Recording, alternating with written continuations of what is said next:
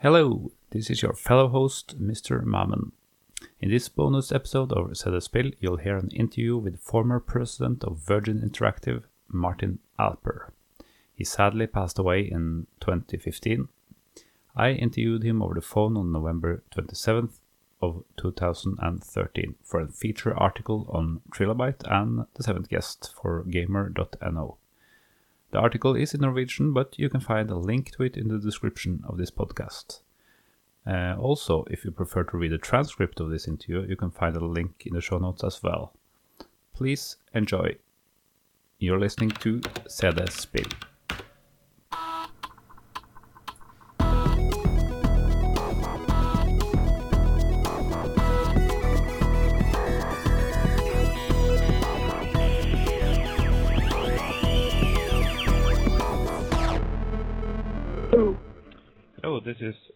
Uh, calling from Norway, uh, gamer.no. I sent you an email yesterday. I'm speaking to Martin Alper.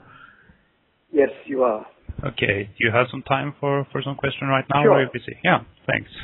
I've got about I've got about ten minutes before I need to get into a meeting. So, um, is that okay for you? Yeah, that, that, that's okay. I'll just uh, skip right to to what I'm wondering. Okay. Uh, so what I was wondering was um, uh, when Tri- Tri- Trilobyte was formed, uh, Rob Landeros and Graeme Devine was uh, employees uh, at your place, Virgin, right? yes. Um, so why did you decide that they should form their own, their own company instead of um, instead of letting letting them be in house? Well, I it was very simple. When they approached me, um, I said to them, "I'm I hear everything you have to say, but you're fired." and uh, this is the truth. This is what I said. And um, they just looked at me like very strangely and what what is going on. And I said, well, you have to. You, I want to support you. I want to produce this game, but we can't do it inside Virgin because it would be disruptive to everybody else who's working on much less ambitious projects. right.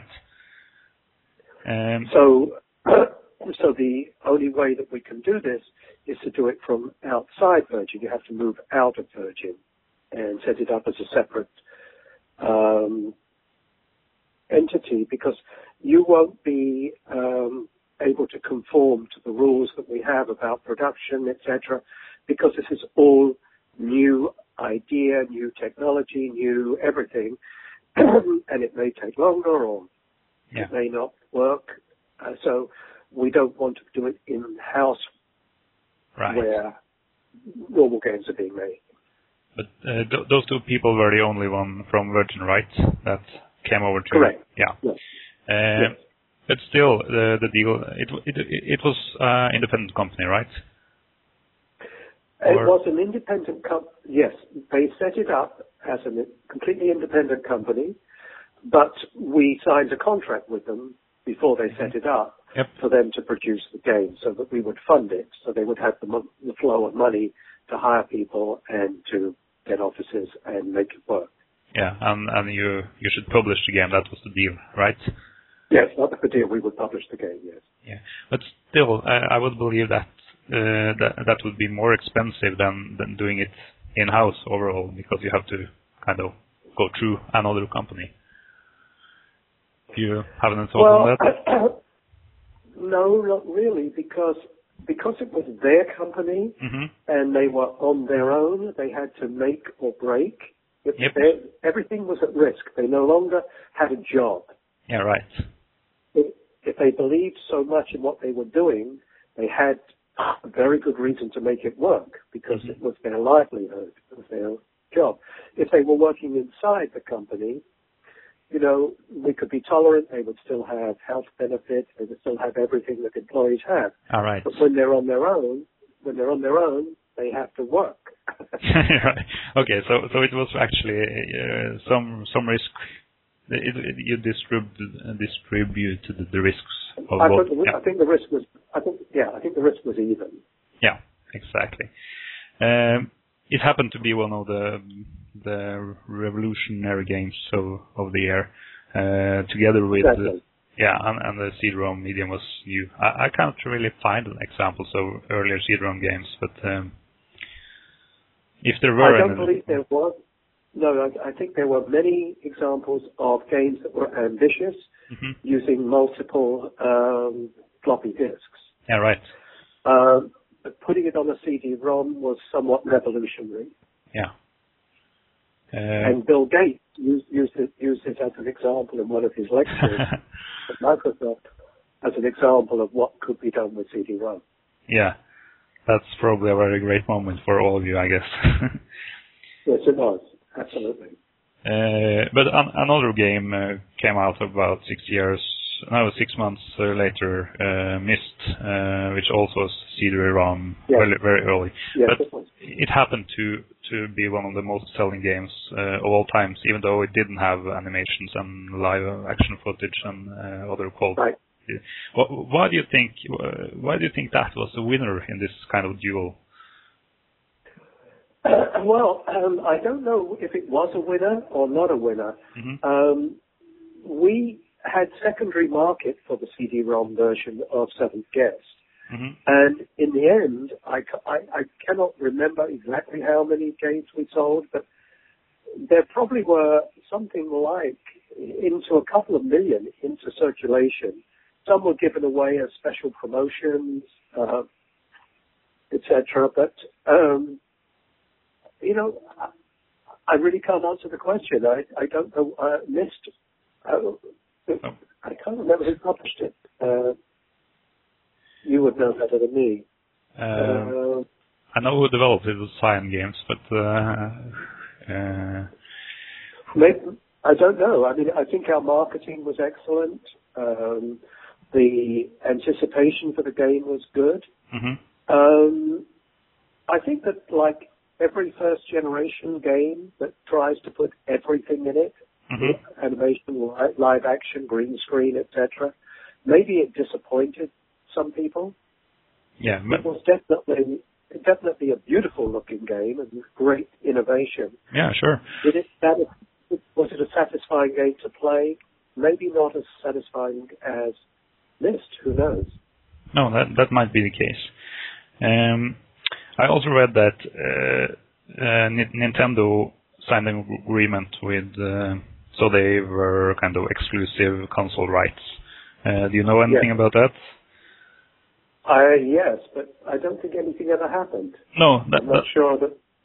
That's correct. I, I, know some other people have been speculated that it was just because uh, Sony shouldn't, uh, or Sega, sorry, mm-hmm. Sega shouldn't uh, have the rights, so they kind of bought bought the rights just for correct. to keep correct. it keep it out of the market. But still, Philips CDI uh, was released. That's a console, right? Um, you know how that came to be? Um, you know that I don't remember. Okay. Um, um, sorry, you know, no. was, uh, which year was this, by the way? You know it better than me because I've published so many games I can't. Uh, 1993, uh, I believe. Yeah. 93, yeah.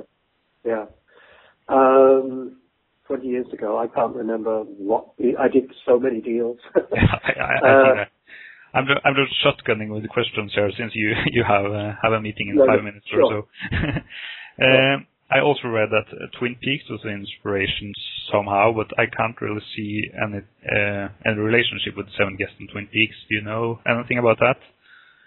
Well, I think that uh, Graeme uh, Devine liked the director, uh, mm-hmm. Twin Peaks, admired his work as as both of them did. Right. Um, and but what why there would be any connection, I don't know, other than admiration for the, the director's work. I can't see any of that in the game particularly. Okay. Uh, so moving on to 11th hour, I, I believe you have a few more minutes, right? sure, no, no problem, no, no problem. I'll, you know, people can wait a few minutes, not the end of the world. Yeah, thanks.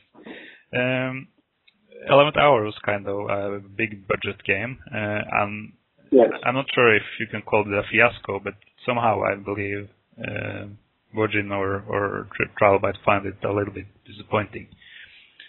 I, it, they did, and so everybody involved in the project found it disappointing, and um, hard to understand what went wrong. I think there may have been um, you know, where I think they they put all their ideas into Seventh Guest in terms of the technology, etc., that they had available. Right. And 11th, 11th Hour didn't really have a strong enough story. I think it or or game gameplay. I think it was probably we commissioned it. I commissioned it because obviously the whether Myst beat Yep. uh, Seventh Guest or not. Uh, Seventh Guest was a very strong commercial success for uh, Virgin. hmm So naturally, like anybody, we would commission a sequel. hmm But I, I, I think that no disrespect to Graeme or Rob, they probably failed at creating something that was more compelling than Seventh Guest. Yeah, it wasn't unique enough, kind of. It, it was. It wasn't. It wasn't unique. Yeah, I- I it was just a, a, a Me Too again, you know. And I think people were expecting so much more, and uh, they didn't deliver. Right. Um, in the end, uh, 11th Hour was, uh, it wasn't a total fiasco, but uh, almost all subsequent project was really a disaster, I believe, such as Yes. Clandestiny, for example. I, I don't. I don't remember whether we worked with Graeme uh, and Rob after Eleventh Hour. Did, did we produce? You would know better than me. Did we produce a third game with them? No, no, they, uh, you didn't. They, they. Um, I, I know that they tr- tried. I'm not sure at what point they tried to publish uh, games their, themselves, uh, Right. and they regretted that because they couldn't really do marketing and, and stuff like that. So that might actually have been the last game you uh, or Virgin released uh, or I, I think it was. Yes. And I think I think there was there was some friction in Trilobyte between the two partners. A lot of friction. hmm and we sen- we sensed that, or I sensed that, and I don't think we wanted to be involved. And I think it wasn't so much Graeme. hmm Uh, I think it was more Rob wanted to be a publisher. Right. He always wanted to be a publisher. I think he had a resentment of publishers, Yeah. and he felt, he felt that publishers were not necessary and that games should be published by their authors. And uh, but that was it. I mean, I think that was where it where it started. Yeah, I know, I know that they had a different opinion of uh, how, what kind of games they would like as well. If there should be more uh, Yeah. children related, family related, or, or adult related. Yes. So in the end, but uh, you at Virgin, did you did you notice the the friction and uh, they didn't Yes, speak to we each other and yeah, Yeah, we did go, we did know, yes, I used to go up to Oregon to check Mhm. on progress with 11th hour. hmm And, uh, you know, Graeme was a good friend of mine. Um, Rob and I never really became close.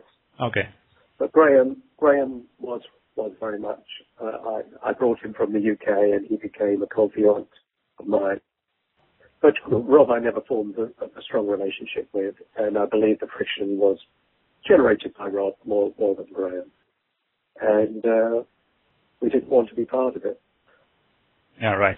Because at the end of the story was, or at least at the beginning or the end at least, was that uh, the board of directors had to fire one of them, and kind of Graeme wanted to leave, but uh, they convinced him to stay, and R- Rob had to leave. But were you in, involved in that in, an, in any way? No, not at all. Oh, I see. Not at all. Not at all. Okay. Um, this was something that it was a, at a distance. Yeah, probably. Yeah, I, I understand. Uh, are you aware that Rob Landeros is uh, right now trying to kickstart a, a third game in Seventh Guest Saga? No, Okay. no, I'm not. oh, he ha- has a project upon Kickstarter. Whoa, well, that's uh, that's a long shot. yeah, it's long today's shot. technology. Yeah, he's a very good artist. There's no question. Rob is an excellent artist. Yeah, Graeme seems to think that uh, the, it was the team. The, the team is missing, and when the team is missing, the the intellectual property isn't worth so much. Right, I, I agree. I think that people who buy games now probably don't know anything about the Seventh Guest. oh, that's a, that's a problem. Yeah. yeah, but uh, I think I got through the, the most important questions and almost just five minutes past or something. Sure. So No thanks problem. A, thanks a lot. Thank you. Uh, by the way, where where are you now? Are you what, what company are you I working? live in I live I live in California in Laguna Beach. hmm Um, I hadn't been involved in the video game industry for many many years. Right. Um, currently, um, I'm semi-retired, but my wife has just started up um, an organic juice company Uh huh. Making cold pressed vegetable juice, which we distribute throughout California, Hmm. so Totally, Southern California. totally different business then. Yeah, he- healthier. yeah. Well, thanks for your time and good luck. And Thank you very much indeed, and uh, say hi to Norway for me. yeah, I'll do that. Bye then. Take care. Bye.